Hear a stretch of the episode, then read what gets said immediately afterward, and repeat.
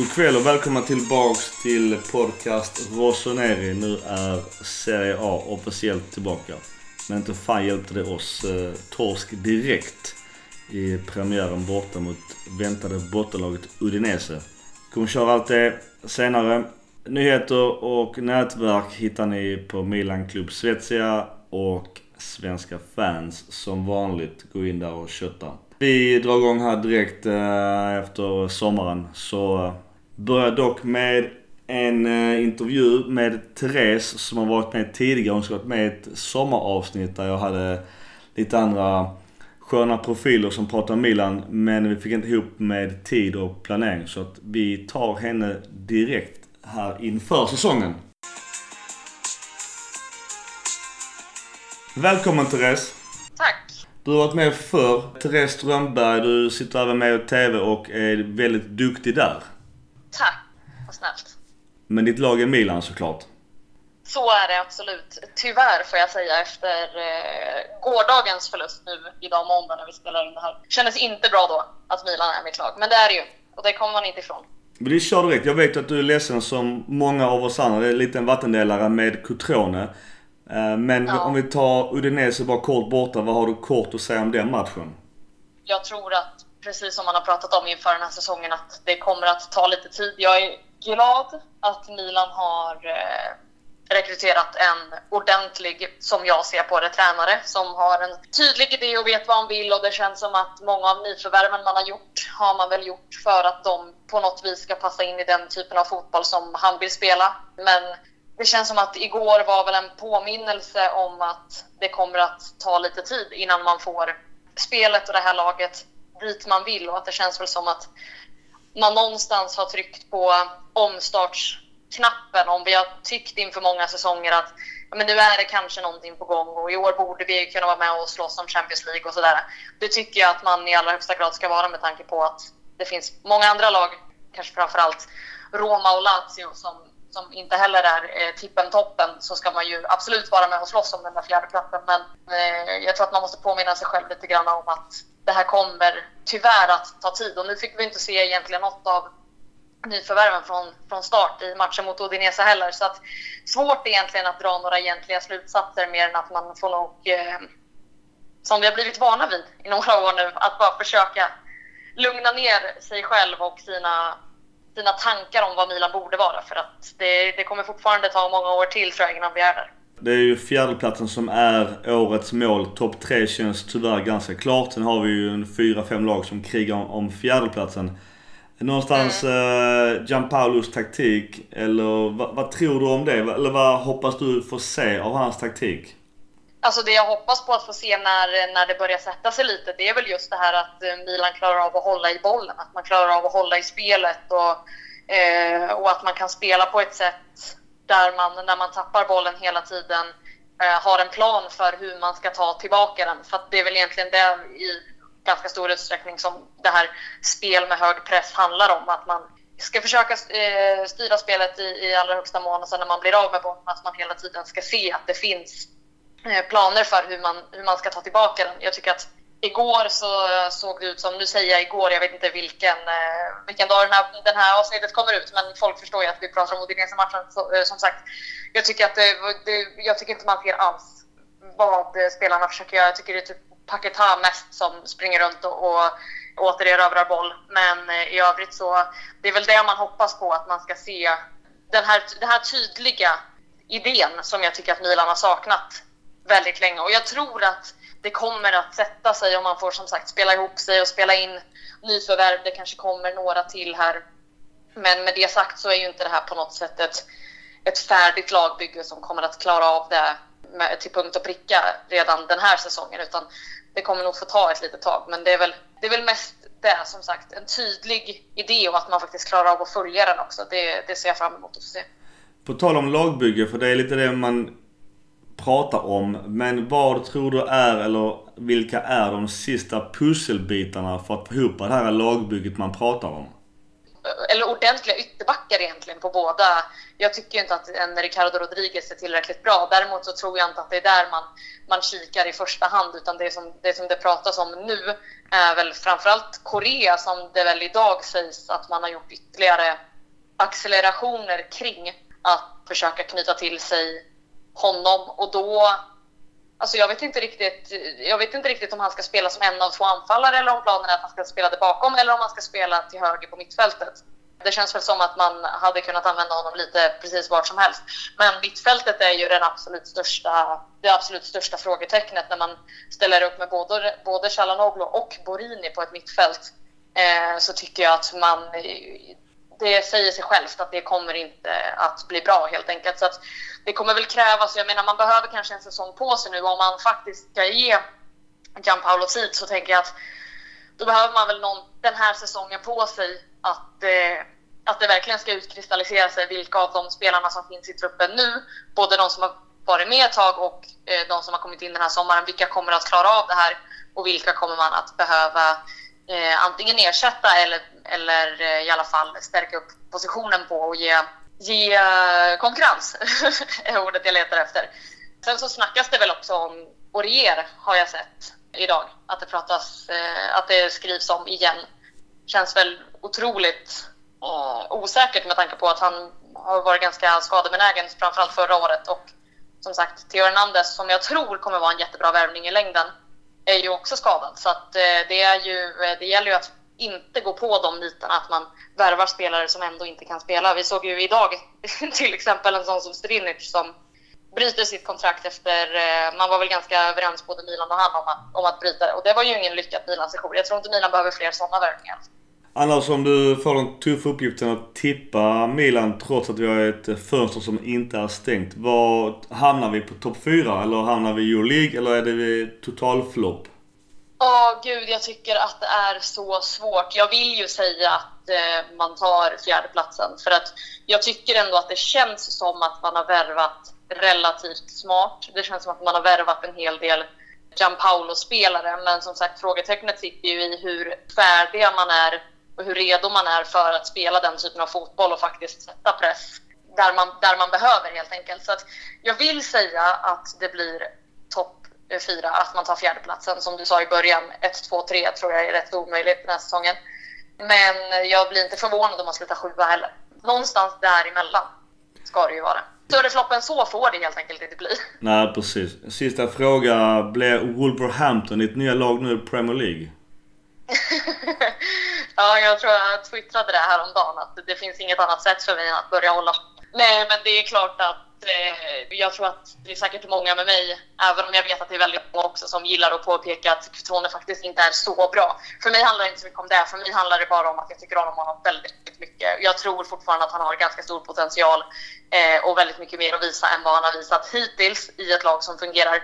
Men, eh, men det är klart att det, jag tycker att det är astråkigt att eh, Milan säljer honom. Och eh, man kommer ju kolla lite extra när han spelar ska sägas. Jag tror inte att han eh, kommer att spela särskilt mycket mer i, i Wolves den här säsongen än man gjorde i Milan förra säsongen tyvärr. Så att jag tror inte att det är så att han har flyttat, flyttat till sig mer speltid om man säger så. Nu jobbar jag väldigt mycket med Premier League så jag kollar ju otroligt mycket på de allra flesta lagen. Men men eh, ännu lite mer utkik håller man ju såklart på, på Kitron. Jag hoppas verkligen att jag får rätt i att han har mycket mer, mycket mer potential än vad jag upplever i alla fall att många andra tror att han har. Med det sagt så kommer ju kanske inte bli någon, någon liksom 25 plus mål varje säsong spelare av honom. Men att han kan få visa mer än vad han visar i Milan oavsett vart han spelar, det hoppas jag i alla fall på. Du bara, bara kort ändå, bara spinner vidare på just eh, vår kära Cotrone. Tror det finns någon, eh, någonting det han säger i uttalandet efteråt att klubben numera inte satsar på italienska spel utan bara utlänningar som man säger? Det ligger ju någonting kanske i att Milan just nu är inne i en period där det är så man jobbar och jag tycker inte att det behöver vara vare sig fel eller, eller rätt egentligen. Du Therese, stort tack för kloka ord som vanligt får jag säga. Tack så jättemycket för att jag fick vara här. Och eh, så hoppas jag att vi hörs på Twitter såklart, men när vi kan ta ett nytt avsnitt eh, eller ny intervju eller snack eh, senare under höstens gång. Eller vårens gång. Absolut, det gör jag garanterat. Det är bara att höra av Super. Tack så mycket Therese var rädd om dig. Ja, ja detsamma. Tack så mycket, hej. Tack. Stort tack till Therese Strömberg som ni ser i Premier League-studion annars. Stor milanista som har varit med här förr och kommer att vara med igen. Kloka ord är alltid välkommet. Vi eh, vänder blad. Visst, det blev inte mål, men, Det är inte ett skott på mål. Nej, jag vet. Den är jobbig. Det Men vi är dålig. men det är ändå 11-6 i skott bara. Det är ändå sex skott som vi kommer till. Du boys, vi rundar av den matchen sen. Eh, Mackan, välkommen. Mackan. Gurra, välkommen. Tackar. Sommaren är slut tänkte jag säga, men vi har 30 grader lugn så att jag vet inte fan. 80 här inne. Ja, jag vet. Så är det i södra Sverige. Jag Jag stod vet- på ett övningsfält idag på, sand, på singelplan i nästan 10 timmar. Så att Jag vill inte säga att Greta har en poäng, men jag måste säga att det är jävligt varmt för att vara så långt in i augusti. det var varmare för 100 år sedan. Så att, Så hon har inte rätt med andra eh, Nog om Greta och hennes eh, lobbyister, för de är inte vi. Eh, vi sorterar plast. Det är det, det jag gör det. För. Och flyger till Milano. Ja, ja. Jag åker segelbåt till Milano. Alright. Men du, vi kör. Vi, vi tar direkt eh, sp- spektaklet i eh, helgen. Vi hade premiär Udinese. Vi spelar på Dacia Arena. Den är nybyggd, eller den är färdigställd rättare sagt. Knepig arena. Och Fabrizio Pasqua eh, dömer. Det är väl, jag kan väl inte säga att Pasca, han... Pasca. Pasca. Ja, min italienska är sådär. Han gjorde inte bort sig. Men förutom vi... vi Ska vi, ska vi ta Hansen direkt? Eh, Gurra, du är gammal domare. Du får gärna förtydliga för mig och kanske många andra. Vad, vad säger du Mackan? Tycker du att det är straff? Är det Samir som får bollen på sig i straffområdet? Piontek är rasande. Jag tycker väl inte att det hade varit katastrof om det hade blivit straff. Och jag tycker inte det är katastrof att det inte blev straff. Jag förstår hur domaren dömer. Detta är faktiskt de gamla reglerna dömer efter. Alltså de som har varit sedan 2005-2006. Men Det, det det går jag då mest reagerar faktiskt på var att varför blev det inspark? Ja, den är, den är. När han dessutom tittat på situationen. Ja. Ja. Det är väl det att allt gick över huvudet och så blev det så stressigt och alla sprang och skrek på honom. Och jag kan köpa att det blir, kan bli missförstånd. Han har säkert 100 spänn på att han har fått bannor för det i efterhand. Såklart. Av domarkorpsövertören. Det är klart vi vill att det ska vara straff. Det, det I desperation vill vi det. Ja. Men tittar man på situationen så hoppar de upp och det, det, det domaren tittade på. Hade bara Udinese-spelaren hoppat upp och tagit den på handen så hade det varit straff. Det domaren säkerställer med repriserna det är ju att en meter framför honom så styr ju Romagnoli den till alltså Så det är samma sak som du skjuter från en meters håll på någon och de inte hinner flytta sig. Och det blev inte straff i situationen efter. Det skulle kunna vara straff till Udinese i situationen efter i så fall. Mm, ja, men Rodriguez man. Ja. Så att domaren gör rätt. Det är inte straff. Bollen styrs för nära för att han ska hinna undan. Han får gå upp och försöka nicka bollen. Sen styr Romagnoli den bredvid hans huvud så den tar armen. Sen vad som finns bakom och sånt, ja det är bara en trist... eh, Ja, det stör man lite. För Leo är ju ändå med huvudet där och Ja. vem vet. Nej, men hade inte Romagnoli touchat den där så hade inte Han Leo inte. fått den ändå. Nej, nej. Då hade han nickat väck den. Nej, vi, vi kan väl eh, tyvärr konstatera att det var inte straff och det blev en straff så fair enough. Och, och Vi kan det, väl också konstatera att det än en gång i Italien tar för lång tid med videogranskningen. ja.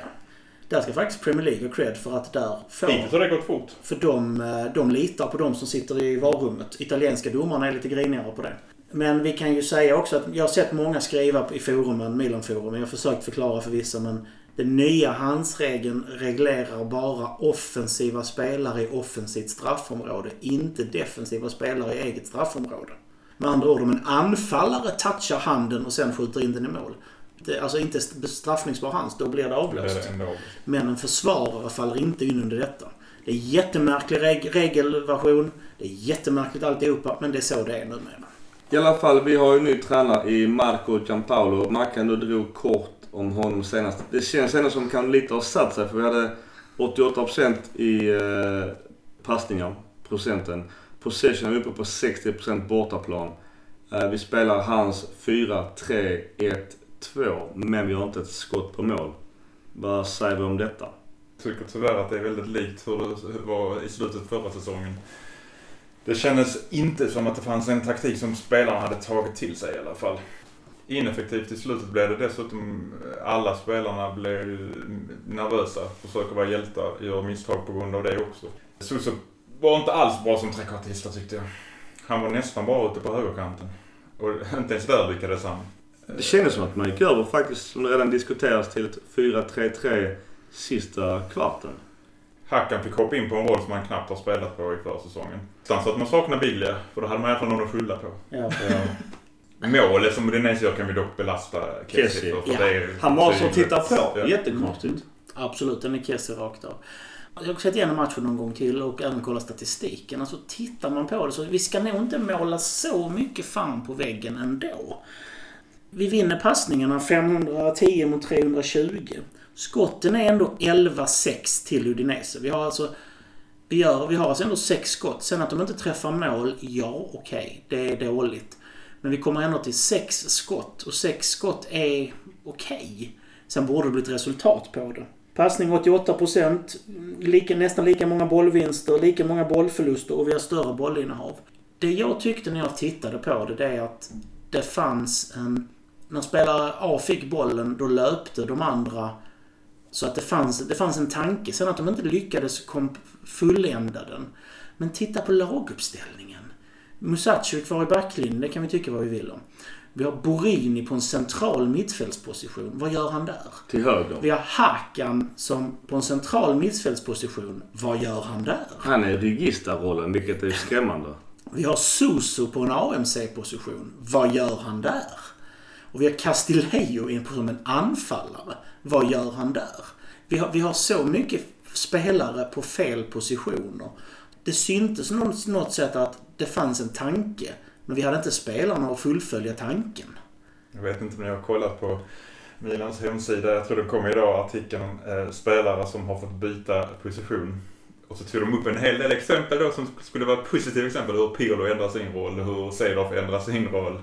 Och det var väl då att det har varit rätt mycket kritik i media omkring vem som spelar på vilken position i Milan i mot Udinese.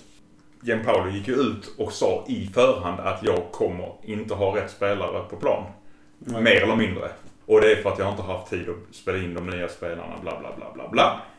Jag tycker det är lite konstigt när du har vissa spelare med i, i träningsmatchen att de inte får spela ens.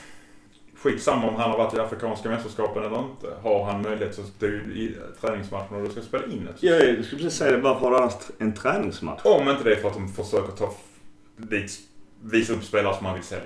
Jag måste nog kommentera det med Castillejo. Inget ont om honom. eh, Men han är ju ingen anfallare och i ett, i ett 4-3-1-2 så har han ingen roll alls i Milan. Så då är det lite så, vad gör han som anfallare? Och så att också ska man då kränga Andres Silva, eller vad man nu ska göra med honom. Han är ju jätteutmobbad av någon anledning. Varför inte ge honom chansen? Han är ju någon anfallare. Testa, han kanske dundrar tre mål i, i tvåmannaanfall. Vi har inte gett honom en enda chans i ett tvåmannaanfall. Han kanske är superhet. Han kanske suger. Men jag får ge honom en chans. eh, Eller jag får visa upp honom. Istället för att sätta en Castillejo som spelar Ja. position. Visa nu, för vi har några dagar kvar än i, i vårt fönster. Han kanske gör en bra insats och då kanske han kan gå för en, ja, en rimlig summa pengar. Alltså jag tittade faktiskt på en Portugal-match där han spelade. Jag gillar hur han rör sig. Han springer, han, han tar sällan felöppningar och han var bra med boll och han bra samarbete. Alltså Silva borde ju nu få chansen. Bett före en, och en ytter. Det är ju det är en markering utan dess like. Ja, ja, ja. Men Leo kom in. Jag tyckte han... Eh, jag såg matchen Frisk idag. ihåg de minuterna han fick. Jag tyckte han såg ganska bra ut. Jag tycker också det är konstigt att Borin får börja för Kessie är bättre på den rollen. Även om det var han som släppte in målet så att säga. Så det händer mer när Kessie kommer in. Svårt också att veta hur han hade varit i minut, alltså när han nu blev utbytt. Borini. Mm. Alltså, han kanske hade varit trött då också. Benazer kom in och hade friska ben. Märktes ju också. Jag tycker jag tyckte verkar bytena var ju egentligen roliga att se. Ja. Det bytet var mycket roligare. Jag måste bara säga det här med också med Andres Silva. För vi köpte ändå Leao för ganska mycket pengar från just Lille som alla vet att Elliot också äger. Varför inte bara byta rakt av Andres Silva mot Leao? Eller ge Lille lite pengar. Eller kanske till och med två spelare. Ni får Laxalt och Andres Silva för Leao. Var väl mer eller mindre klart att Andra Silva skulle till Monaco när den affären Ja. drogs igång. Och det kan också tycka att någon som var så fan safea där stället ju. Dra in två spelare. För där, där kan ju Elliot dribbla hur mycket som helst kan jag tycka mellan sina två egna klubbar. Eller jag vet inte om Uefa kommer börja böla om det. Bara det sköts så det går igenom alla granskningar så ska det inte vara något konstigt. Nej, jag kan tycka det också. Man har fan äger två klubbar. Det är väl inte därför man vill, kan vill äga två klubbar. För att kunna göra de här sjuka dealarna emellan. Alla City. Exakt. Jag kan ju också säga att Donnarumma var väldigt bra igen. Eh, Minst jag nog, om inte han hade varit så bra som han var. Donnarumma, ja Donnarumma, Paqueta, Rodriguez. Jag tyckte Paqueta var riktigt frisk fläkt när han, spel- nu när han har fått vila en sommar, eller delar av Ja, sommar. ja. En helt annan löpmönster. Men han hade ingen som, ingen som passade honom. Och Rodriguez hemjobb och försvarsspel var ju exceptionellt som vanligt. Igor Tudors eh, 3-5-2. Alltså Udinese gjorde det bra, men jag säger att vi med rätt spelare så tror jag mycket väl att vi hade kunnat ta den matchen. Det som är tråkigt är väl då att Jim Paolo helt plötsligt börjar tvivla på sitt eget system tycker jag. Eh, Det måste vi prata om för det gör mig jättenervös. För att nu har man läst eh, redan dagen efter, jag vet inte om vad han tänkte med det eller också snack att ledningen då, Boban och Maldini med flera menar på att nej, men vi kanske ska köra ett 4-3-3 igen. Och det har vi gjort och inte lyckats med. Vi har ju framförallt ingen naturlig vänsterytter. Det är inte en enda naturlig vänsterytter i... i... Jag väl att att sätta spela Paqueta där Leao. då. Leao. vi har- Paqueta, Leao eller Hakan? Jo, men vi har aldrig spelat Paketa som vänsterytter. Nej. Och Hakan har vi gjort och det har varit skitdåligt. Alltså riktigt jävla dåligt. Hakan har ju varit bäst på mittfältet. Ja. Mm. Så Men- kan vi väl uttrycka oss. Jo, men jag kan tänka mig någonstans eh, att de eh, diskuterade att Leao skulle kunna vara en bra... Vänsterytter. Ja. Ja, det har han ju spelat innan så att det är inget konstigt. Ja, och så köper vi Korea så är det, har vi en högerytter till. Mm. Ja. Och jag, jag förstår fortfarande inte. Vi, vi tar transfer senare. Men jag säger det, jag, jag tror att Jan Paolo bara säger det. Jag tror inte han viker uppställning. För då hade det varit VM i överreaktion. För så dåligt, det var dåligt men det var inte så dåligt. Och att dra de växlarna efter en match. Då ska man vara i en annan bransch. För lite som Mal, eh, Maldini, Boban och ledningen har ju ändå scoutat Gianpaolo. De visste vad de skulle få. Och hur han har spelat egentligen alla sina lag. Det, vi, det sa du sist Mackan när du gick igenom hans eh, tränarprofil. Han vill spela som han gjorde idag mot Udinese, eller eh, i helgen. 4-3-1-2. Och det måste ledningen köpt eftersom de valde honom. Fast det känns inte riktigt som de har köpt det på något sätt. Nej, med tanke på att de inte har köpt in trekvartistas. Nej, Utan helt plötsligt ska Suso bli det. Och vi har egentligen ingen ordentlig ersättare på den positionen heller. Om, jag tycker att Paqueta ska kunna ta den. Mm. Och Piontek har själv sagt att han får bättre och rakare bollar av, av Paqueta. Men nu är tydligen budet på Angel Correa accepterat. Så att... Vi har hört det Stor, stor. Hur många gånger har vi hört det? Ja, ja. Eh, Men Men det är också så, om man kollar på eh, olika sidor just om Korea. Om vi nu hoppar in på han här nu. Det är att han verkar trivas bäst i en högerytter. Och där har vi Suso som vi kanske ändrar om allting på grund av. Och en Castillejo som backup. Ska vi ha tre högeryttrar helt plötsligt? Vad har förstått Koreas rätt? Han har ju fan inte spelat mycket med, eh, ska jag uttrycka mig lite så heller. Så är ju hans naturliga position en högerytterposition. Ja. Men möjlighet till, till second striker, alltså andra anfallare. Så scoutrapporten jag fick tag eh, Eh, säger ju att eh, han, eh, han är en offensiv mittfältare som kan gå ut till höger. Som jag pratade om innan när jag presenterade honom. Men även att han kan dubbla som anfallare. Han har, han har varit, spelat på många olika positioner under sin karriär. Jag tror det hade varit en jättebra värvning som AMC-position och en backup till anfallarna. Jag vet inte varför den här desperationen att få Soso att funka. Vi kan få pengar för honom. Vi kanske kan lägga in honom i ett byte för vi, saknar fortfarande vissa, vissa spelare på vissa positioner. I början av eh, marknaden så sades att Atletico till och med var intresserade av Suso. Vad fan, baka in det, ge dem 10 miljoner och Suso. Eller kanske till och med byte rakt av. Nu verkade han ju iskall på marknaden Suso. Jag vet inte vem som har fått något bud. Nu är det snack om att hans entourage- Milan-spelarna iskalla Ja, det, det känns ju så. Ja, det är inte nu snack om att förlänga kontraktet. Donnarumma möjligtvis och Ja. Piontek kan vi nog kränga. Sen vet jag, ja, Paqueta kanske om vi lyckas få honom till Ja, Romagnoli, ja. Jag vet att Conti var också på marknaden men han valde själv att tacka nej till Werder Bremen. Red Bull har ju tydligen gjort förfrågningar om Hacken men där har Milan sagt nej. medierykte så, så vill Hakan själv inte lämna. Och det var så, fan det har ju varit dåligt i två år. Titta på alla våra Bosman-fall. Inte en enda av dem har bara fått en ny klubb. Ja, det Sa- det var Zapata som har en ny klubb. Zapata har fått. Ja. Det är sant. Det är sant. Men de andra är Men de andra fortfarande- har inte. Har vi något mer att säga om Udinese? Jag tycker också att det är överreaktion på att byta spelsystem direkt efter en match. Jag har egentligen inte så mycket att säga om- om en förlust i första matchen. Ny tränare, många nya spelare. Men problemet var kanske lite hur det såg ut. Det var lite samma loja, eh, jag vet inte riktigt vad jag ska göra. I alla fall i den sista tredjedelen. Lite fegt kanske att börja med just den elvan. hade jag varit Gianpaoli så hade jag försökt få så många nyförvärven på plan från början som möjligt. Framförallt för en markering och visa att nu är det en ny tid. Jag menar, titta på elvan. Det är ju samma spelare. Men på verkar vara startplayern i Gianpaulos lag. Han har han har spelat alla träningsmatcher. Startar också direkt i en position som man aldrig spelat i tidigare stort sett. Jag hade hellre haft en Kronic där till exempel. Det är jag med. Men även om de inte är i fas, låt dem spela och lära sig på match i så fall. Alltså det är bättre att ha en spelare som är jättebra men som är lite obekväm än en som är dålig men jättebekväm. Ja. Någonstans måste man ändå sända signalen att kvalitet ska premieras. Jag kan Till skillnad från som Gattuso gjorde med vissa spelare hela förra året. Hakan och Musacho och så vidare. Vi, vi hade ju Cesena som en eh, försäsongs sista eh, genrep och, och där var ju, pratade vi också i vår chatt, det var ju lite oroväckande 0-0 mot Cesena. Och där bara så, oj vad fan vi kanske inte är så bra som vi trodde. skrev väl att till det att Udinese-matchen ser ut som ungefär mot Cesena, bara det att Udinese är ett bättre motstånd. Ja. Ja. Det är skrämmande nog. Tyvärr tyckte jag att det var så. Jag brukar ju försöka undvika träningsmatch för jag tycker inte de säger någonting.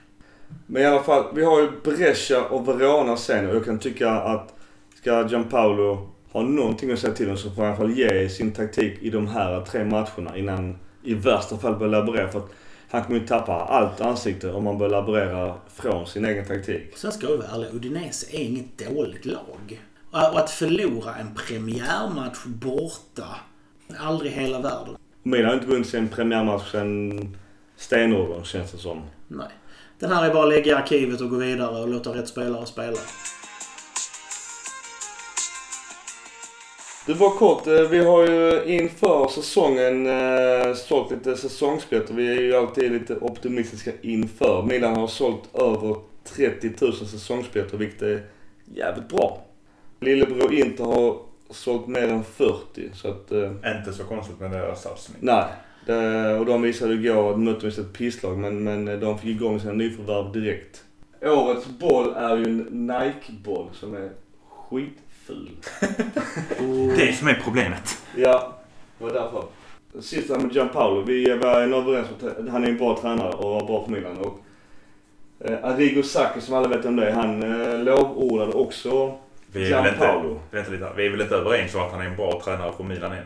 Saki. Ja, vi trodde det väl? Jim Paolo. Vi, vi är väl överens om att det var skönt att vi äntligen fick en tränare som var tränare. Ja, okej. fair enough. Men att han är en bra tränare för. Milan vill jag vänta med. Och... Jag väntar till eh, november, då ska jag uttala mig hur, Ja. vad jag tycker om honom som tränare. Jag gillar ju hans sätt att spela men om man nu skulle byta bort sin taktik och sitt, sin spelfilosofi. Då kommer jag tycka att han är en jävla pussy för det första. Men eh, jag kommer ju också ändra uppfattning på att han nog inte är så bra tränare. Eller som man säger den här Milan-kostymen som tynger alla. Som då, eh, som Filippo Galli sa att Milan-kostymen som tränare är ju jävligt tung att bära. Man såg ju Filippo Inzaghi blev gråhårig på ett år. Du har ju alltid högre förväntningar och mer ansvar i en större klubb. Ja, det finns egentligen bara en att ta hem. Don Carlo. Mourinho är ledig. Han är ju redan gråhårig. Ja. Och jag, alltså jag har sagt det hela tiden. Jag hade inte haft någonting emot att få in Mourinho. Visst, vi, vi hade haft ett, två år där det hade gått riktigt bra. Och sen så kanske det hade blivit dålig stämning. Men för, med rätt backning kanske Mourinho håller i väldigt länge som tränare. Mourinho gillar ju VAR.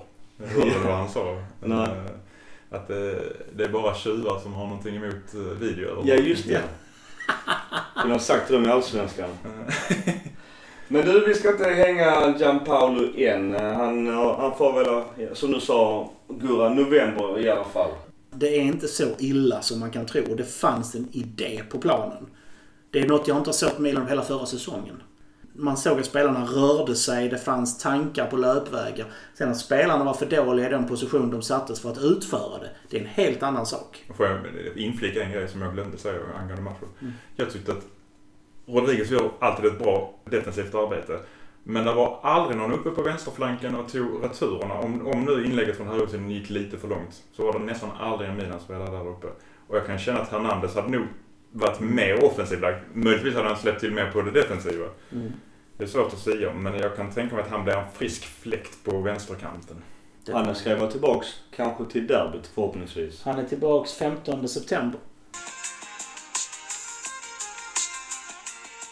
Nyförvärven för säsongen. Mackan, om du börjar nerifrån och upp och läser dem. Rade Krunic, mittfältare, kroat. Leo Duarte, Han är Bosnien. bosnier. Förlåt. Jag som sa fel. Han bara Han det älskar dissa detta. Han älskar detta. Vet om jag slår sönder mikrofonen nästa gång. Så, ta det från början. Eh. Rade Kron, Krunic. Rade Krunic, eh, mittfältare från Empoli. Bosnien. Eh, han var inte kroat utan bosnier. Eh, Leo Duarte, mittback från eh, Brasilien. Kom från Flamengo så spelat ihop med eh, Paqueta en gång i tiden. Och Vad kostar de? Ja, nu är detta i pund, så det är lite ovant. Men för oss, van, vant för Gustav. 7,20 miljoner pund kostar Krunic och Dua- Duarte eh, 9,9 miljoner pund. Sen har vi Ismael Benazer från Empoli han också. Han är algerier och han kostade 14,4 miljoner pund. Theo Hernandez, vänsterback från Real Madrid, 18 miljoner pund. Frank Kessis lån gick ju ut med köptvång. Eh, betalade Milan 21,6 eh, miljoner och eh, Rafael Leao från Lille 22,5 miljoner pund. Du som har gjort instick här, på tal om Leao. Just Leao är på en annan lista. Om du drar den Gurra då, om du tar från botten och priser. Leao är nu vårt, tio, vårt tionde dyraste spelarköp någonsin. Han kostade då 25 miljoner. Nu är vi uppe på euro igen. Ja. Sen nionde plats, Carlos Bacca, 30 miljoner. Alessandro Nesta, 31 miljoner. Hyfsad skillnad i kvalitet på de här spelarna. Mycket stor skillnad på kvaliteten. Lucas Paqueta 35. Eh, Piontek 35 på sjätte plats. Mattia Caldara femte plats 35. Och då höjde vi standarden igen här på nummer, fjär, nummer fyra. Pippo Inzaghi 36,2. Och sen sjönk det. André Silva på tredje plats 38 miljoner. Fast det är ju så han var värd när vi köpte honom. Eh, Bonucci är näst, näst dyrast på 42 och dyrast någonsin hittills är ju Rui Costa 42 miljoner. Än idag. Än Det idag. skulle vara intressant att se det omräknat med inflationen för dagens, dagens priser så att säga. För Rui Costa som då är dyrast köpte vi 0102. Nu ryktas det ju om... Eh, om Angel Correa blir kvar, klar för 40 miljoner pund så kommer han ju vara dyrare än Rui Costa. Då faller Leao ut igen på topp 10. Men kostar Leao bara 25 eller var det 25 med massa bonusar och 25 klausuler plus, och, eh, plus, Dua, plus eh, Ja, han Diallo. Just det, det var, där, just det, det var 25 i rena pengar. va? Ja, och det är det de räknar på den Så, listan. För att visst var han över 30 totalt? Det är, där, det? det är ju därför Zlatan inte räknas bland de dyraste värvningarna någonsin när han gick till Barca. För ska man räkna vad han egentligen kostade Barca så får du lägga till hela kostnaden vad Samuel Eto'o var värd. Och Och det gör man ju inte. Nej. Han vann back-to-back eh, två, två tripplar. En med Barcelona, sen en med Inter direkt efter. Ja, nu är det. det inte många spelare som har gjort Det var det. det dummaste Barca gjorde, att de släppte ett tur. Även han ville ha mer pengar, eller han ville ha lika mycket pengar som de andra. Men då ville inte de ge honom och då blev det ju dyrt och dumt. Men du, eh, skit i Barca. Vad säger vi om våra nyförvärv? De tog inte plats någon av dem idag, eller i, i, i helgen. Och Gianpaolo har förklarat varför. Men har vi, vad kan vi förvänta oss av dem? Är det någon som kommer, kommer gå in, rakt in i startelvan?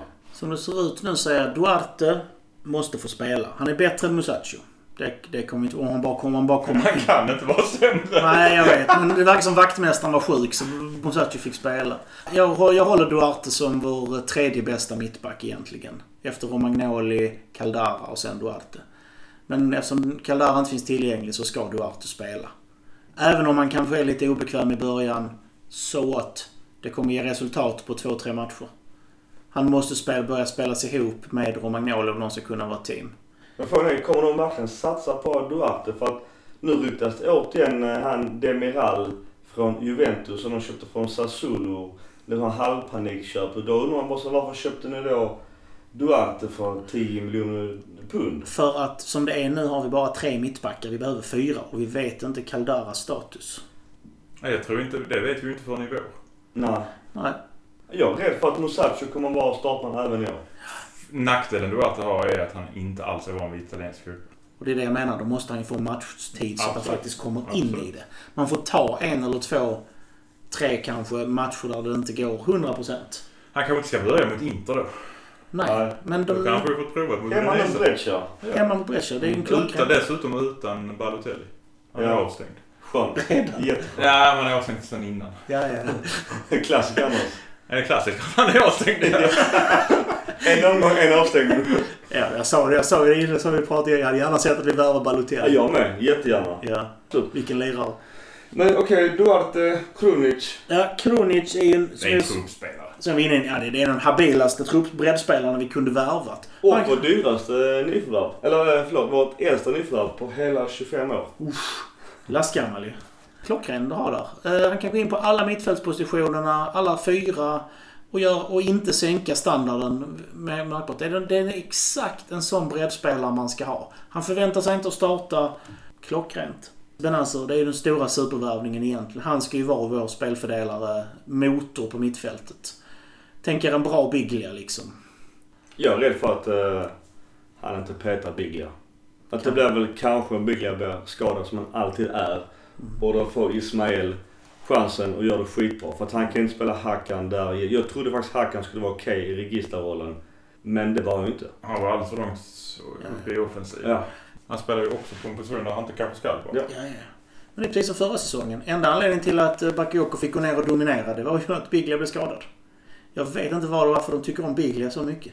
Släng in ett skambud på Bakayoko nu. Ja, Ja, ja. Lampard har ju totalratat honom. Jag har inte varit med någonting i Chelsea. 15 miljoner pund. De hade tagit det direkt. Jag tror också det. Och så matchar lönen han har där så går han. Men det får så just Bakayoko som vi alla höjde i fjol och förklarade själv. Nu gjorde han ju en fadäs mot Gattuso, en legend och allt det innebär. Undrar om han är helt bränd av ledningen. På grund av det. Vi vet ju inte vad som hände där. Alltså, jag tror inte det. Han Han fick ju resten. spela efteråt ju. Eller? Ja. Hade han varit helt bränd så hade han ju inte ens fått spela de matcherna. Nej, förvisso. Men frågan är bara så när nu vi nu, ny ledning, ny sportchef, Bobban, Malini, old school. Det där är inte okej. Du gör inte så. Punkt slut. Jim Paulus skulle ju också vilja ha honom får vi väl tillägga. Ja. Kan inte vi bestämma det? Men det Jo, saknas kunna ju... det, men... Alltså rent krasst så saknar vi en central mittfältare i truppen. Jag har gått igenom- Bakayoko? Ja, Bakayoko hade fyllt det. Bakayoko, du har ju um, Modric. Alltså vi behöver någon som kan hålla i boll, vinna boll och slå bra passningar. Men om man läser sociala medier under försäsongen som du inte tittar på så har ju Milan Twitter gått loss och sagt att Biglia var den bästa spelaren under försäsongen. Och jag vet inte fan om de glodde på samma matcher som Jag vet inte. Nej. Det känns lite grann som ett beställningsjobb för att hossa honom. Ja, om de nu ska sälja honom kanske. Men återigen, det är lätt att prestera i träningsmatcher där tacklingarna inte är lika hårda, där folk attackerar inte lika mycket. Alla är, ingen har matchtempo. Alla är på väg i, i form. Ingen vill skada sig. Jag, jag vad om att nästan någon av oss skulle kunna gå in och alltså, inte, inte göra bort sig fullständigt i de tidiga träningsmatcherna. Alltså, Bara, bara vi hade varit i form. Okej, nästa. Då är vi Hernanes.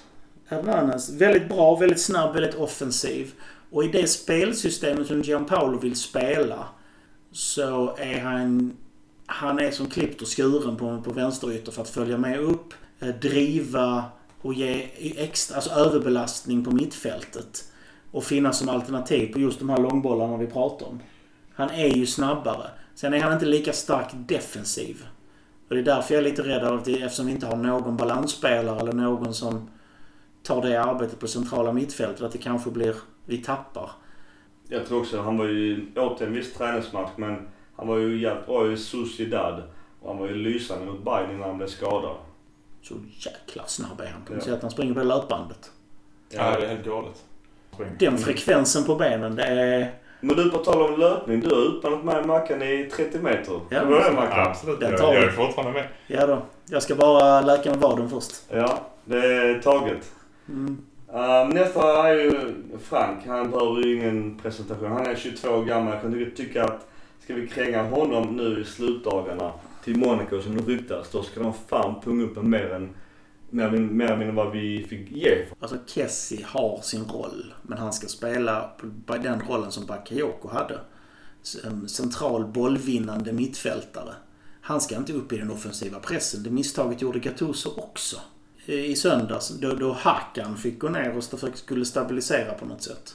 Jag tycker Bakayoko är bättre än Kessie. Ja, det är han.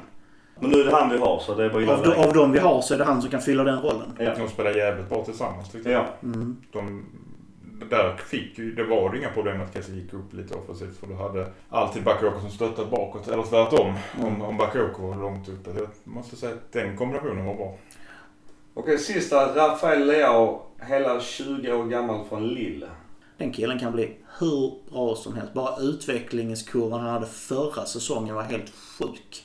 Så han måste få speltid, han måste få förtroende. Då kan han ha en enorm utveckling. Värsta som kan hända nu är att han knappt får speltid. Men då är frågan, jag bara kastar ur mig här direkt. Det är ett ganska ungt lag Milan har just nu. Kanske yngst i ligan, är nästan säker på. Vågar man trots financial fair play och tvånget på kanske nå Champions League, våga ta ett mellanår och spela in de här killarna som är max 25 år gamla. För att sen leverera kanske topp 3 nästa år. Rent krasst ser jag inte det som att ta ett mellanår och, spe, och använda sig av Frankessi 22 som redan är etablerad. Leao som ett superlöfte som har alla förutsättningar. Hernandez som har presterat, som är 21 och har presterat i La Liga. Benazer eh, som är 21 år. Alltså de här är redan etablerade spelare. Leo Duarte har ju presterat i Flamenco i brasilianska toppligan. Det är inga duvungar detta. Det är inga 16-17-åringar. Detta är etablerade vuxna män. män. Det känns ändå som att man inte vågar ge dem Ja. chansen fullt ut och det gör mig lite orolig. Håller med dig till fullo. Framförallt med tanke på att man vet att de här spelarna har 5-6 år tills de ska vara som bäst. På tal om transfers. Eh, Mackan, du hittar oss på plats nummer 18. Kan du bara dra de siffrorna? Milan har köpt spelare för 93,6 miljoner pund. Och sålt för 25,65. Det vill säga Cotrone. Och då har vi alltså gått minus 75,5 miljoner pund på detta transferfönstret. Sen kan det här, hade vi ju en fråga hur man räknar. Jag vet inte om jag ska ta upp det där.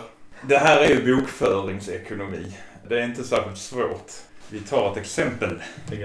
Jag vet ju inte exakt hur Milan bokför sin ekonomi. Jag har inte fått tillgång till de siffrorna eh, sen förra gången vi spelade in. Jag har ansökt, men eh, de kunde inte så mycket engelska.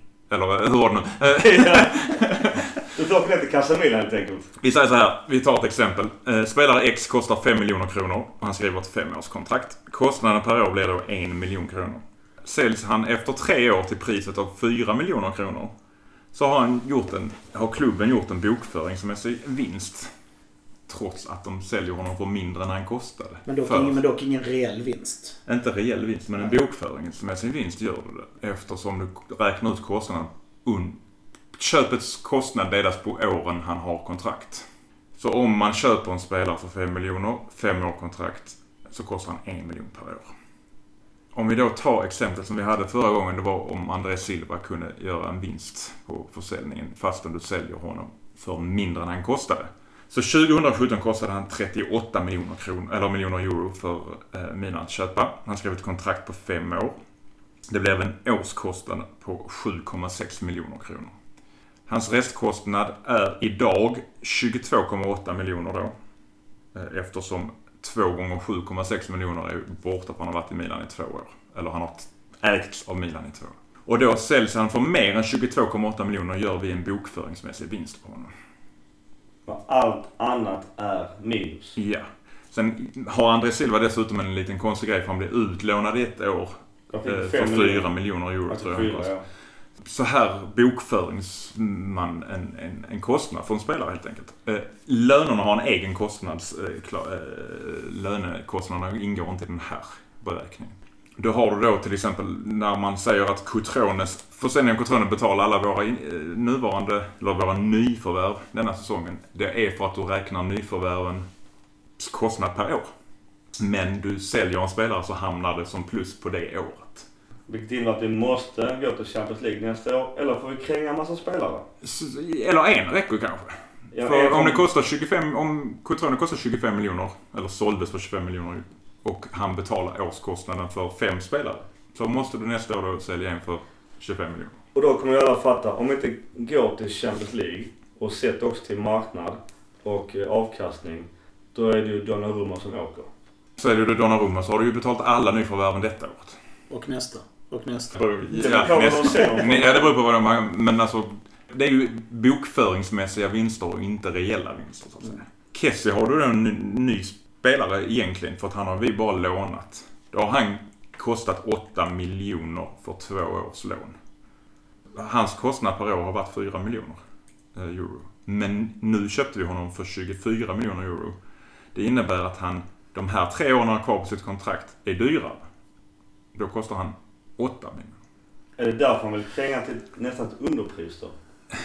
Ja, men då gör du en bokföringsmässig förlust. Du måste sälja honom för mer än 8 miljoner per år. Han har kvar. Mm. Och han har tre år kvar. Och min matte säger då 24. 24 miljoner. Det var vad vi betalar för honom nu. Ja. Men säljer du honom då för 22 så kostar han 2 miljoner i år. Och därav att kanske Milan accepterade bud på Monaco på 25. För, det man För då gör man en miljon. Ja. Men han ville verkar inte själv vara jättesugen Jag tror inte han fick det ko- kontraktet han ville ha där. Nej. Okej, ekonomi. Blev du klok på det Gurra? Ja. Det är att man skiljer mellan reella vinster och bokföringsvinster. Man kan inte säga att, som man kan vara inne på, man kan inte säga att man gör en vinst med det tänket utan man gör en bokföringsvinst och det är, det är två helt olika Och saker. bokföringskostnaderna är ju egentligen det du skickar till Uefa sen. Ja, så att... Så att det är jätteviktigt att komma ihåg det på det Ja. sättet. Men det är inte så att klubben får pengarna rakt i fickan. Nej, verkligen inte. Utan, men det är ju det att vi inte får gå med minus i för många år i rad. Mm. Okej, så den här summan nu vi såg nu minus 75 miljoner. Det ska egentligen räknas ut på alla eh, kontrakten och de är inte lika långa allihopa så du kan inte räkna ut summan. Fick de inte fem år allihop? Alla Jag tror inte allihopa fick fem år. Jo, alla Har nyförvärv alla har fått fem år då ska du egentligen räkna ut de här 90 miljonerna delat på fem. 75. Ja, men om du tar det innan vi sålde Courtois. Ja, ja. Om du tar det innan du Så sålde Courtois. 18 miljoner om året. Ungefär. Så det blåste 18 och nu fick vi in 25 så det måste gjort 7 miljoner vinst. Mm. Bokföringsmässigt. Reellt har vi gått back 75. Är man inte inne i ekonomiska tänket så är det här. Ja, så länge Uefa är nöjda så är jag nöjd. Ja. Det var kort eh, lite nyheter, jag vet inte om vi sa det sist, men eh, Nelson Dida tillbaka, målvaktstränare. Mm. Det känns som han kan, U17. ja, det känns lite lågt men han får ju börja någonstans. Men det känns som han kommer ju kunna fan träna alla andra målvakter. Det var kort nyheter. Fiorentina som har värvat ganska intressant.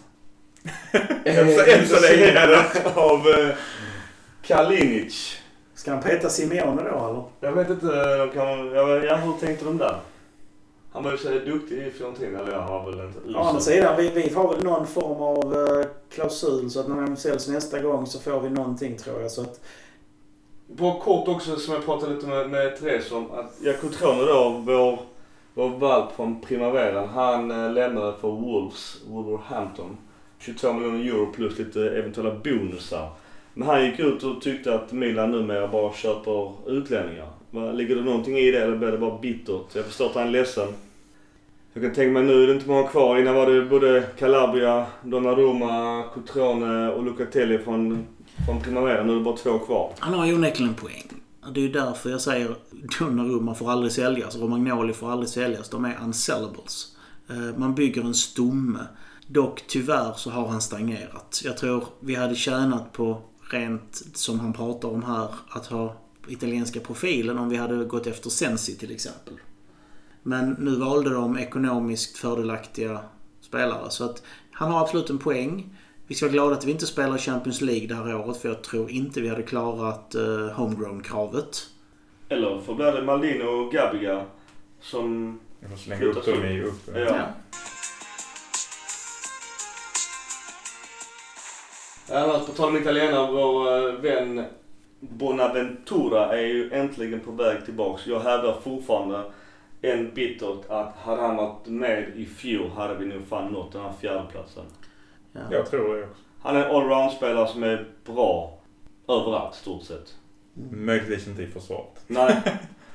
Vi har ju pratat om hans eh, försvarsmissar men jag menar som fotbollsspelare offensivt är han ju jävligt duktig och det är en sån som kan hålla i bollen. Jag tror att eh, han ska ha en startplats. Men frågan är bara var han ska vara. Det tittar vi på sen när vi går igenom våra laguppställningar. Exakt.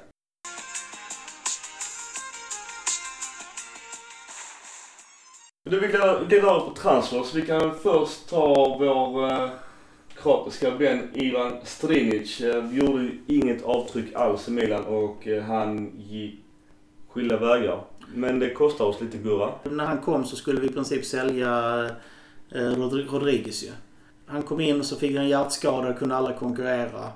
Så att det bara önskar honom lycka till. Men tiden hos, honom, hos oss med signingbonus och allting har kostat mellan 4,5 och 5 miljoner pund. Sammanlagt. Sen kan det vara... Om han har köpt ut mot sin vilja så är det ytterligare 5,5 miljoner pund. Som han hade kvar i innestående lön och bonusar och sånt. Antagligen hamnar han där någonstans runt 5 för han vet att han inte kommer få spela ändå. Han har inte så många år kvar att spela så att... Sen så är det lite, sen är det inte riktigt så här mycket heller för detta är bara hans kontraktspengar och bonuspengar. För det finns ju försäkringar som kickar in när en spelare blir skadad, långtidssjuk och så vidare. Så stora delar av den här lönekostnaden när han varit hjärtsjuk har troligtvis inte Milan behövt bära. Den har Försäkringskassan tagit. Ja, eller vad det nu har för någonting. Ja. Då ska du ha bra läkarintyg i så fall. ja. Så att jag misstänker att han har kostat oss kanske 3-4 miljoner pund. Får väl tillägga att det här var ju en av de sista kinesvärvningarna. Han var, ganska, han var väldigt sympatisk när han väl lämnade Casamilan och det verkar inte vara något ont blod där. Så det är fair enough. Och vi, vi önskar honom lycka till. Ja. Eh, Nästa transfer. Eh, Laxalt. Eh, Atalantas klubbmärke är ju han i bild helt enkelt. Men det verkar vara hans lön som tryter där. Det var, de verkar vara överens om själva summan i sig. Men han tjänar ju för bra i Milan för att vilja halvera den lönen i Atalanta så det verkar gå i stöpet. Det Milan behöver göra då är att gå in och ta en del av lönen kanske. Och det ska man alltid vara skeptisk till. De gör en förlustaffär oavsett vad. Jag tror att de... eh, att det var en summa, kan du säga det Mackan vad de köpte den för? Så det var 14. Milan betalar 14 miljoner euro. Och det var snack om 12 ut. Nu är det snack om 12 ja. Så du ska vi se när hans kontrakt går ut. Det går ut 2022. Så om man då går på de här bokföringsmässiga vinster och förluster. Så kostar han, eh, så det är ett fyraårskontrakt han fick, 3,5 miljon per år. Så att säljer vi honom för 12 gör vi ändå en bokföringsmässig vinst på honom. Och då kan jag tycka som du sa Gurra, att fan då får vi dela lönen i alla fall ett, kanske två år. Mm. Eftersom vi ändå gör en bokföringsvinst. Nej, då kan vi använda de 1,5 miljonen eh, som vi tjänar på honom bokföringsmässigt på en lön då. Annars är det, det är ju återigen Andres Silva som verkar vara i transferögat hela tiden. Nu har ju Valencia sålt Rodrigo Moreno. Så att han ska då ersätta. Så då hoppas man ju att, eh, att Silva vill gå dit om nu inte han ska få chansen i Milan. Men det är även Sporting Lissabon. Han tackade nej till någon klubb som var för dålig nivå helt enkelt. Så att, eh, stora är ju Angel Correa. Och jag kan tycka att det är mycket pengar för honom. Nej, det är fullt realistisk summa för honom. Det är vad han är värd. Jag köper det. För de pengarna. Jag tycker det är en spelare vi behöver. Det är en position som verkligen behövs en spelare som kan spela där. Eftersom nu tydligen Paketa inte verkar vara aktuell där. Det är vad en sån spelare kostar. Vill man ha kvalitet får man betala för det. Agree. Annars är det en annan Correa och det är då playmakern Joaquin Correa från Lazio. Eh, det var ju snack om att baka in en deal med Cotrone och honom. Men eh, Lazio är ju inte kända för att sälja billigt så att eh, det tror jag inte kommer bli aktuellt heller. Det är väl också, det är väl nu sista lyssnarfrågan vi har fått in, just det här med transfer. Annars har vi bockat av alla lyssnarfrågor. Vänd blad va? När vi pratade transfer så var vi väl ändå lite lockade av eh, att stjäla någon från vår lillebror. Ja, med... Nej, och ryktena var ju där i alla Ja, fall. Icardi. Jag hade inte sagt nej till Icardi. Vilken, vilken avslutare. Sen så följer det ett litet paket med fru och konflikter och sånt där. Men på planen. Men inte för lik eh, Piontek då? Som anfallare. Du pratar att du inte har lika anfallare. Icardi är så pass flexibel och Piontek är en sån som skapar ytor. Så jag köper, alltså de två tillsammans tror jag hade kunnat bli brutalt. Om man ser på Bosman spelar nu så Lorente och eh, Wilfred Bonny kostar inte en krona att köpa loss. Inte Fredrik Guarin heller. Nej, det är ju mittfältare men... Ja, risken är att han är för långsam nu. Ja. Han har ju boll i sig i alla fall. Honda är ledig. Vår gamla vän Honda är fortfarande ledig ja. Marcic, han är ju skadad på livstid känns det som. Ställt på vänsterbacken men Fabio Contrao, ett rövhål i och för sig men som en som Bosman är ju... eh, Han tappade så mycket på bänken i Real så nej. En annan Bosman är vår gamla vän Johan Kulkuf. Fan vad han var upphaussad när han spelade i Milan. Ja. Det är inte så bra. Han var ju rätt så bra när han gick till Bordeaux, var han inte det? Jag vet Om inte, jag har, minns rätt. har ni sett serien uh, Sunderland till I Die? Nej, jag har inte gjort Jag har inte gjort det. Ja, det måste ni göra. Men i alla fall, jag har sett Jack Rodwell. Han vägrade ju bryta sitt kontrakt med Sunderland. Han hade ju, tror jag, 60 000 pund i veckan. De var så snälla. Vad fan gör du i Sunderland? Gå till en större klubb. Han var vägrad. Han bara satt av de pengarna. han går ifrån ett superkontrakt i Manchester City till ett okej kontrakt i Sunderland. Han vill nog inte byta och få ännu lägre någon annanstans. Jag tror han är ändå covered. Det var ju Rodwell som när han var jätteung fick ett kontrakt som matchade alltså toppspelaren. Det var ju första av Citys satsningar. Då var ju han en av de där profilerna som skulle in. Den engelska profilen. De gav honom hur mycket pengar som helst och sen visade det sig att det var mycket ett luftslott. Nog om, eh, om transfer. Tror ni det kommer någon sån där uh, supervärvning? Är Korea en supervärvning överhuvudtaget? Är han värd de pengar? Vem av dem? Den, den, den, den argentinska höll jag på att säga, men eh, från Atletico. Angel.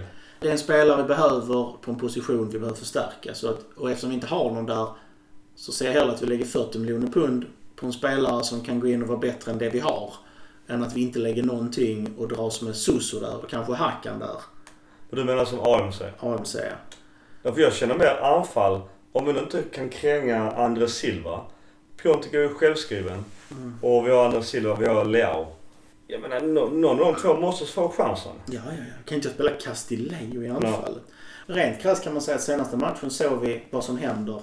Visst, alla spelare kan spela på alla positioner. Donnarumma kan spela i anfallet. Det är inte det att han inte sitter förmågan.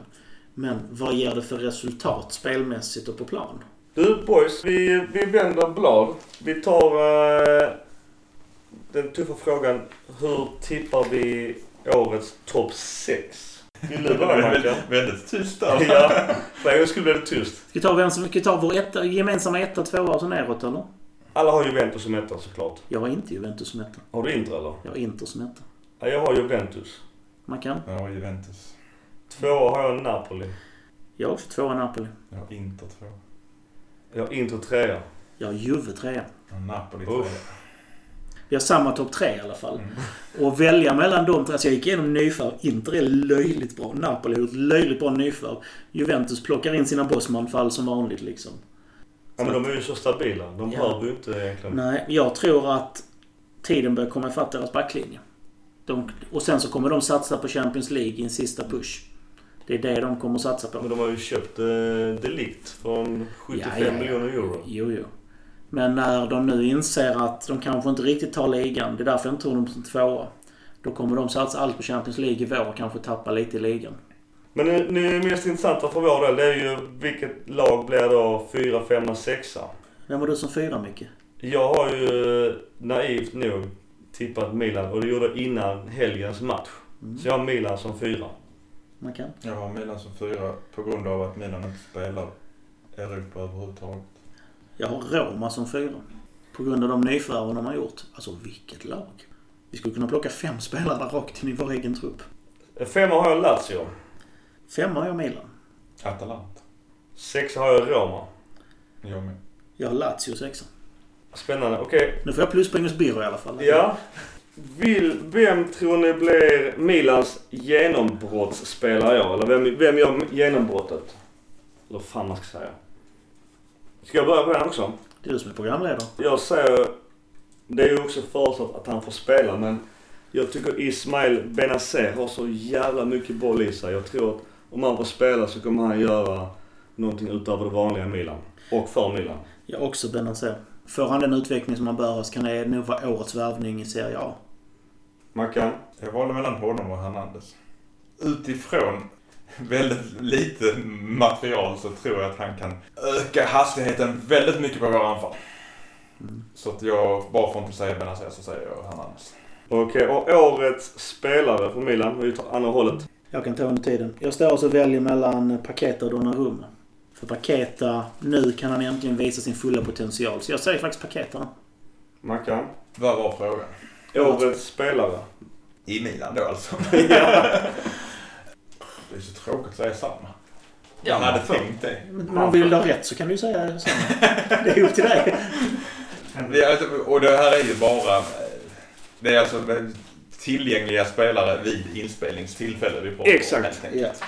Så när vi värvar Zlatan i januari så kan du inte säga Då kan jag inte det. Nej. Nu kan vi ta en ny eh, fråga i I januari. januari kan vi ta en fråga efter det. Jag redigerar det. Kan du tänka dig honom vi tar in en före detta MFF-are? Alltså det, det hade inte gått. Han kan få lägga straffarna i Malmö om inget annat.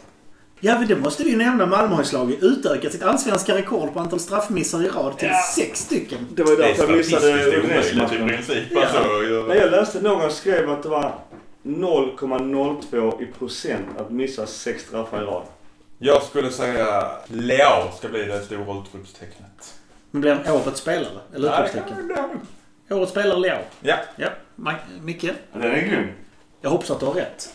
Jag hoppas också du har rätt. Ja, årets spelare blir Donnarumma. Vil- vilken Donnarumma? Torbjörn såklart. Han bär vattenflaskan snyggast av alla. Antonio Donnarumma. Felfri en hel säsong. Exakt. Uh, årets flopp då? Det kan jag inleda med. Där har jag Suso. Alltså spelsystemet passar inte honom. Och vi såg redan förra säsongen att han är en sån periodare. Och om han tappar i förtroende så kommer han bara prestera sämre och sämre när han väl får chansen. Jag säger sälj honom nu, casha in och ta in en bättre ANC. Och fortsätt. Och just Sousa är ju också en spelare vi kan göra en ganska stor vinst på. Även om jag har sålt han för lägre än hans uppköpsklausul. Ja, eftersom han inte kostar en krona i princip. Men han kostar 8 miljoner euro tror jag. Floppen. Spänning. Ja, alltså grejen är det här hör ju ihop såklart. Hela laget hör ju ihop. Det, jag är rädd att Pionte kommer att vara en flopp rent eh, poängmässigt för att han inte får det understödet han behöver. Den är tuff. Jag har en... eh, Nu hoppas jag inte att du får rätt. Nej, jag, Nej, hoppas, jag heller. hoppas verkligen inte Men du har en poäng det du säger. För att eh, jag vet inte... eh, Min flopp. Och det är ju Hackan.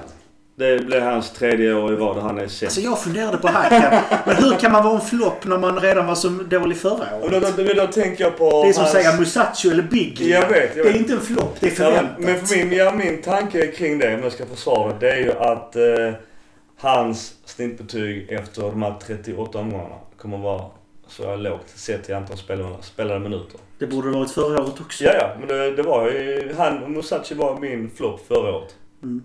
Men jag tänkte på i, i transfertid, det är också en, eh, en, en lyssnarfråga och det är vem vi utifrån realistiskt sett skulle kunna önska oss in här nu de här sista dagarna. En kanske Mr X som Galliani körde. En ren drömvärvning. Ingen helst. Det måste inte vara någon anknytning till verkligheten. Alltså Rosenberg, Messi och de går ju bort så att allting där Ja, rättare sagt i en intervju när han pratar om att byta spelsystem helt plötsligt. Så jag tycker det är skitjobbigt att börja... Det måste vara spel för gallerierna. Vi kan, jag tror vi kan ignorera det. Jag hoppas det. Jag An, annars tappar han allt förtroendekapital. Ska vi byta till 4-3-3 behöver vi en vänsterytter. Det kan nästan vara vem som helst för vi har inget tycker jag som sagt. Du, Paqueta möjligtvis kan ta den. Eh, Men Men förutsätt befintligt spelsystem.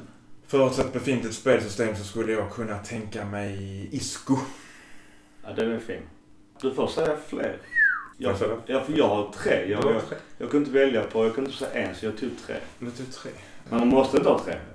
Då kan jag lägga in Modric också. Modric slår nu de flesta på den positionen fortfarande. Gurra? Isco eller uh, Chames. Någon av dem, det spelar ingen roll. Sen behöver vi en playmaker. En sms hade jag gärna tagit in. Ja. Det hade varit som handen i handsken med det spelet vi ska spela. Sen behöver vi en back. Vi behöver någon till som det ser ut i nuläget i alla fall. Och eh, Vilken position? centra- centralt mittback. Nacho till exempel. Skulle vi mycket väl kunna få loss.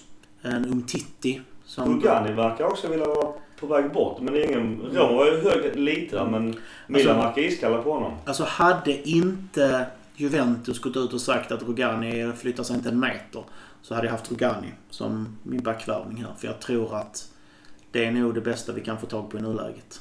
Jag är också inne i Real Madrid och härjar. En spelare som ändå eh, James Rodriguez. Och letar vi en AMC så är han ju alltså det bästa vi kan få.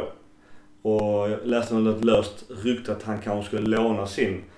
Milan valde ju att inte eh, låna in eh, Ceballos för att eh, det fanns en uppköpsklausul. Och Malin är med på att vi ska inte låta han fostras här stort sett. Och det är på gott och ont. Jag vet inte, jag tycker det är lite dumt av Malin faktiskt. Att kan man få så pass kvalitetsspelare där vi behöver dem så borde man ha tagit det. Just för att nå fjärdeplatsen. Men eh, Chamez och sen så, såklart eh, återigen eh, Bakayoko hade jag velat se. Lånet av Ceballos hade kostat lika mycket som köpet av Ismael Benazir. Ja, jag läste det. Arsenal gick ju på nästan mina där. Så där... Sen, Kan jag, hade Milan fått det erbjudandet så förstår jag varför Maldini sa nej. Jag tror inte Maldini fick samma erbjudande som Arsenal fick med tanke på Premier League, Londonlag. Helt annan ekonomi i Premier League. Jag tror inte Milan... För då, då, de, då förstår jag rakt av att Milan sa nej. För den del Arsenal fick är idiotiskt. Det är lite som att nu uh, de som lånade... Uh, vad heter nu? Han gamla Liverpool-spelaren från Barcelona. Coutinho. Mm. Det lånet är ju vansinnigt dyrt. Alltså 21 miljoner pund hade det kostat Liverpool. Det är nog en av de största tjänstefelen som Liverpool har begått på länge. Att inte ta in honom när det finns sån brist på bredd i laget. Jag hade tagit honom rakt av. För det lånet. För 21, mil- 21 miljoner pund för en av världens bästa på den De är positionen. lånade ett år. Ja, ja. Lätt. Och så ska han ha en lön på 10 också. Ja. Nej, men nej, nej, nej. Med lön hade han kostat 21 miljoner pund. lön? Med lön. På ett Fair år. enough. Ja, de har ju pengar i Liverpool. Det hade med- varit klockrent för Milan också. CL-platsen hade ju nästan varit given. Ja. Neymar ryktas vara till Saudiarabien. Han tar vi. Nej men Bakayoko, jag håller med dig där Micke. Om det, att det inte är där och fiskar än. Det är något som, är, något som inte stämmer. Jag kunde tänka mig att han hade velat gå tillbaka till Milan med ny tränare. Och där fick han ett nytt uppsving så att... Eh, Förvånad över hur utfryst han blev i Chelsea. Men ja, det är något... Det, jag Han har, han har ju inte fått chansen alls. nej. Men det är lite som Silva i Milan. Vad, vad är det som händer egentligen? För Bakayoko, när han gick från Milan efter lånet till slut så var han ju ganska såhär, jag vill tillbaka och slåss om en plats för jag vill spela i Chelsea. Mm. Givetvis har han inte mycket annat att säga men det är inte utåt sett har vi inte sett något som säger att han vill därifrån. Och så bra som han var i fjol. Att då lägga en lön som han tjänar i Chelsea tjänar alltså 520 000 pund i månaden. Det är vad Bertolacci och eh. Montelivio kostade tillsammans. Alltså, vi har pengarna. Men du, innan vi avslutar butiken. Ronaldo eh, fick ju köpa sig fri. Din kompis Gurra. Jag blir så irriterad på det. Han har erkänt och allting och nu betalar de mer pengar för att han ska hålla tyst. Men, det är smutsigt. men hon, eh, Petron, Petronella jag intervjuade från Juventus. eh, Hon gick ut i efterhand och sa att det var ju strikt munkavel på från alla i damlaget. Fick inte yttra ett ord om detta med Ronaldo. Och det kan jag tycka är lite smuts till Juventus. Det är klart det är smuts. Ska vi gå igenom våra startelvor också? Du, det gör vi som avslutningsvis. Eh, Målvakt har vi Antonio Donnarumma misstänker jag. Kan vi ju lägga in ett rykte till här att Real Madrid vill ha Pepe Reina. Ja, just det ja. Förstår jag. Jag förstår det och problemet är att då måste vi ju nog köpa en. Eftersom Plisarra är utlånad.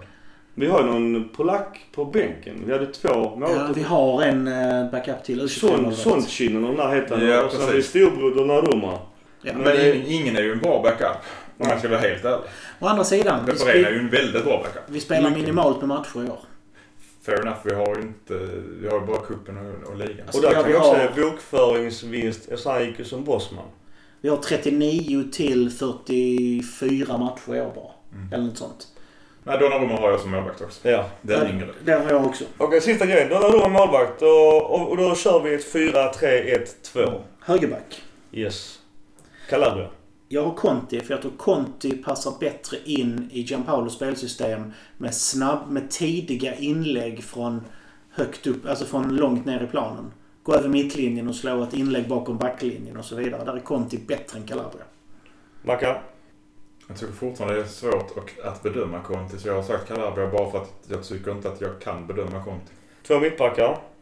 Eh, Romagnoli och Caldara. Och när som Caldara nu skadar så blir det då Duarte. Precis, säger exakt likadant. Jag, jag, jag kan inte säga Musashi. Det har varit ett hån mot mig själv. så att, eh, Och sen vänsterback. Och då förutsätter vi att Hernandez är skadefri. Mm. Och då tar vi... Jag tar Hernandez just för samma anledning som jag sa Conti. Ska jag prata defensivt så är Rodriguez mycket, mycket bättre. Men i det här spelsystemet som det kräver så är nog Hernandez snäppet vassare. Jag är med på det. Okej, Regista. I nuvarande trupp är det Benazer. I nuvarande trupp är det Benazer. Ja, för mig också. Och sen då har vi Den centrala bollvinnaren. Kessie hade jag tagit där. Mesa- Mesala till höger och vänster. Vad har vi där? Kessie till höger. Kessie har jag också, men det är ju som grovarbetare bollvinnare på mitten. Du, vi tänker rätt. Vi Ja, tänker, Det vi är tänker, bara, det är bara Ja. positionerna. Ja. Och till vänster? Bonaventura om han är frisk, Hakan om han inte är frisk. Som box to box där är Bonaventura också. är jag också Bonaventura. AMC. AMC, där har jag eh, Paketa. Jag med. Paketa. Givet. Ja, jag också. Och så har jag två anfallare. Mm. Och Piontek har vi alla. Mm. Så då är frågan vilken blir, vad heter det, SS? Eh, SC. ja, Sekunda Punti. ja, just det. Sekunda Punti. Alltså Silva är den bättre av honom och Leao. Och kan vi få Silva att funka med Piontek så tror jag vi har ett mycket vassare anfallspar än Piontek-Leao. Men jag tror inte det kommer hända, därför säger jag Leao. Ja, jag håller jag också för att jag tror inte att Silva... Det är nog något mentalt. Såld, inte såld, vill inte spela fram och tillbaka. Jag tror det är svårt för honom mentalt att komma tillbaka i en klubb som min. Jag tror han är bränd i klubben som ni säger. Även om han skulle inte bli såld och vara kvar så kommer att han få en chans. Även om jag har 10 mål på träningen. Och Leo känns ju jättespännande. Som man sa i gamla Football Manager, en wonderkid. Och kan man utveckla en sån spelare och låta, för det första som du sa Gurra, låta han bara spela.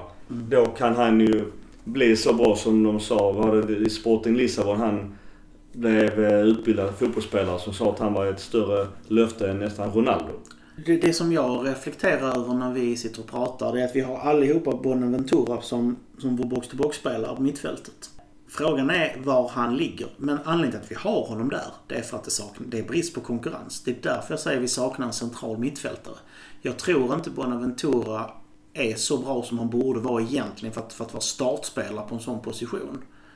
Där skulle in en SMS eller den nivån på spelare. Men eftersom vi inte har någon så är det Bonaventura som... Och han har skadat ett, ett år nästan. Får man Ja. också eh, tyvärr inte glömma. Så vem vet hur bra han är efter... Så det vi kan nog vara säkra på att ser laget ut som det gör nu så är nog den positionen big less. Han kommer inte gå från registerroll. Nej. Jag är rädd att de Han är tar... för långsam framförallt för att köra Messala-rollen. Ja, Ismael får nog gå till vänster tror jag. I så fall. Jag tycker, jag, i hur jag har uppfattat Benaz så tror jag att han egentligen passar bättre som en Messala än en, en eh, register. Jag säger inte att jag vill ha Biglet som register, Nej. det säger jag inte. Och problemet är fortfarande att jag förstår att de gör allt för att få in eh, Suso i en startelva. Men problemet är bara att då- blir det som AMC bara. Då får du ändra, alltså i en julgransformation hade ju så kunnat funka. Fri roll som en höger... En höger. Ja, oh. Vi, vi har läst, eh, nu snackade med Och Oskar. Paketa bredvid och Piontek i mitt. Jag, vet, jag snackade med Oskar från Milan Sverige på Twitter och han sa den gamla klassiska 4, 2, 3, 1. För då kan man ha nytta av både Paketa, Suso, Ismael, Kessi och en Regista. Men frågan är vem som är i mitten. Ska du ha Paketa alltså i mitten på det offensiva mittfältet? Ja. Sen Leao till vänster och Suso höger. Jag tror inte på det för att hela Gianpaulos fotbollsfilosofi bygger på att vinna det centrala mittfältet. Och det gör han med de tre centrala ytterbackarna samt den offensiva mittfältaren. Att gå över till en sån uppställning innebär att man släpper det offensiva mittfältet och försöker vinna högre upp. Det skulle vara emot hela hans fotbollsfilosofi, hela hur han har byggt laget. Men även om man byter till 4-3-3 går jag också ifrån sin filosofi. Så hur han än gör om man inte spelar, spelar sitt 4-3-1-2 så sviker han ju sig själv. Jag tror inte vi ska dra för stora växlar av det uttalandet. Eh, Det kan, han kan mycket väl ha sagt bara för folk att hålla tyst. Jävligt dumt. Så pratar ju folk ännu mer kan jag tycka. Sen så när han ändå... Har vi material för att köra 3, 5, 2, 1? Vi inser att vi har, bara har tre mittbackar just nu. Rodriguez. mitt tycke tycker jag att Rodriguez skulle kunna då täcka upp Ah, om Hernandez mm. är långt upp. och- Rodriguez, Romagnoli, Duarte. Ja, men det blir Piontek och Leao Det blir inte så stor skillnad i, i, Nej. det, i det offensiva. nej.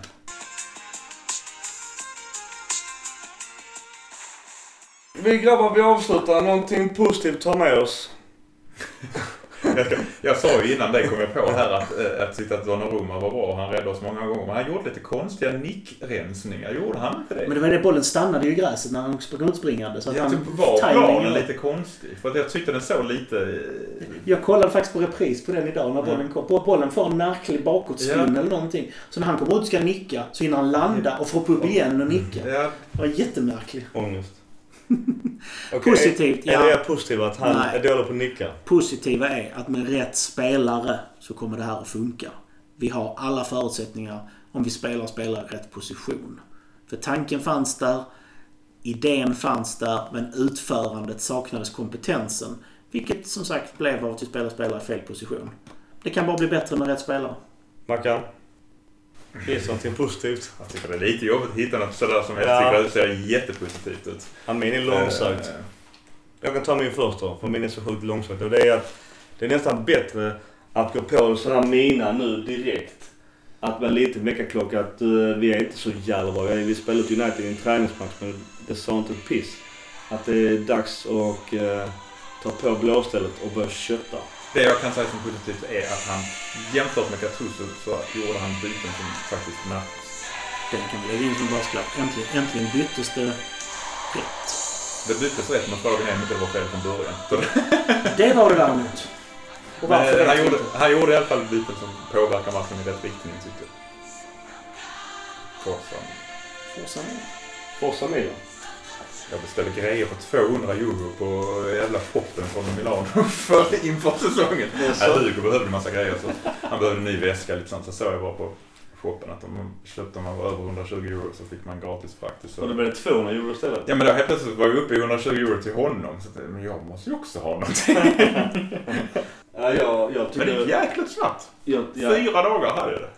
Från Milano. Ja men det var ju som när jag beställde min matchtröja. Det tog inte många dagar. Jag tycker, jag, alltså jag tycker den nya tröjan är jävligt snygg. Nej, jag gillar inte det. Det förra året var så mycket snyggare. Men, men det är, en- ja, den är Det ju ganska liten. ränder, ränder, storleken på Jag vill ha ränderna. breda, stora ränder. Som, alltså Ja. det, det är Milan för mig det här. Jag tycker, jag smala, tycker det andra stället tycker jag är snyggt. Jag tycker andra Så stället är snyggare än första stället. Ja, rent det i designen. Det vita. Alltså. Ja, Fy fan alltså. Sjukt snyggt. Men de behöver ju, de, om du ser på transfer, de hade behövt köpa eller låna någon sån riktig tröjförsäljarkille som går in och gör skillnad. Alltså en riktig Ja, Coutinho hade ju gjort någonting där. Kan jag Ja. Ja, men nu så- Ceballos hade ju inte gjort det Ja men sen Boban, var han bara så fan, jag, kom igen. Modric. Modric, kom igen nu för helvete. Ceballos eh, har ju inlett hur bra som helst i Arsenal. Jag har inte sett ett piss Han har men... varit eh, riktigt bra. Nu förlorade de mot Liverpool nu senast, men han, han är kvalitet. Oj, oj, oj, oj, oj. Alltså han klarar av Premier League som, som ungdom. Och det är... För du har ju... Alltså tittar du på hur mycket tid man har på sig de olika serierna. Brukar man säga så i jämförelse. I Premier League har du en sekund på dig innan du blir utmanad. Spanien har du 1,25. Tyskland 1,5. Eh, Allsvenskan, en minut. Italien tror jag det är uppe på runt två sekunder innan du blir, alltså du får en hård press på dig. Ja. Och att klara av det som 19-åring i Premier League när du kommer från annan liga. Det är jättetufft. En annan typ av fysik, fysiskt spel och allting. Men där kan man också ge Real en ganska bra cred om man nu står på sig. När ni, ni får ingen uppköpsklausul utan ni får låna rakt av. Dry loan. Det är, sånt gillar jag. Det, det, jag, det, det Det är jag, lätt när du har pengar. Ja, ja såklart. Ja, ja. Men fy fan vad de har köpt mycket, mycket Madrid. Sjukt är att det ryktas att han eh, från... De blir utlånade Ja. direkt han från Frankrike. men det roliga är att Luka Jovic har ju varit utlånad från någon klubb till Eintracht Frankfurt. Sen kom han till Eintracht Frankfurt och så blev han såld direkt och nu ska han bli ut. Alltså han har ju bara... Han har aldrig spelat för den klubben han egentligen har kontrakt med.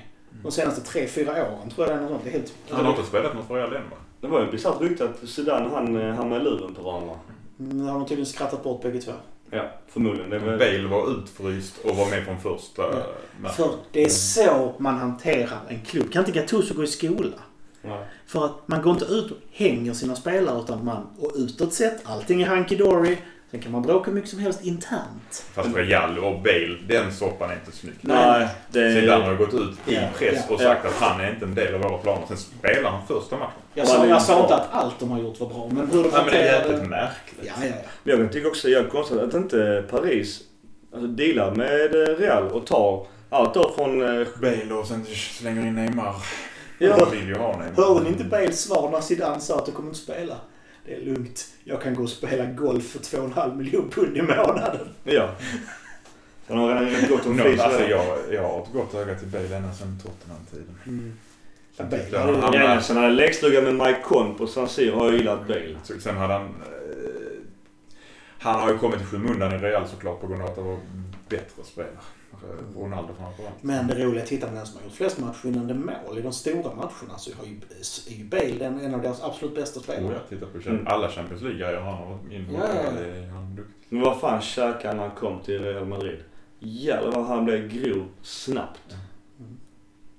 Jag körde kanske bra mycket mer uh, gymträning än vad de gjorde. Sen så ändrades det för han gick ju över från att vara vänsterytter i Tottenham som vek in och sköt. Och så blev han högerytter. Och där har du ett exempel där du kan byta positioner på ett positivt sätt. Ja. För han blir ju nästan...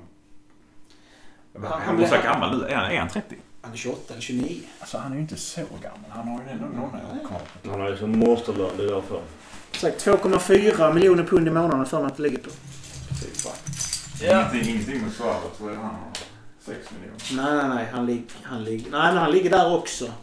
Det, det är ju... Modric ligger också där. De, de värstingarna är ju... De, eh, du har ju Ronaldo, du har ju... Messi ligger på 4,5 miljoner pund tror jag det är. Jag har inte siffrorna utan till men det är ju liksom... Det är ett gäng där. Kroos är ju den hanterbara som man skulle kunna... Kroos förresten. Oh, skulle vi tagit.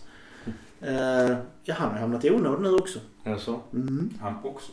Yes. Uh, Zidane tycker att han är för dålig och har ju petat honom. Tycker Casemiro är bättre. Men det är ju helt olika spelartyper. Ja. Det är Det jättekonstigt. är ingen som säger att det är logiskt. Nej, nej. Och hans skott eh, nu var ju... Han tjänar, han tjänar ju bara 800 000 pund i månaden så honom skulle vi faktiskt ha råd med. Ja. Okej boys, vi hörs och ses. Det gör vi. Det fett.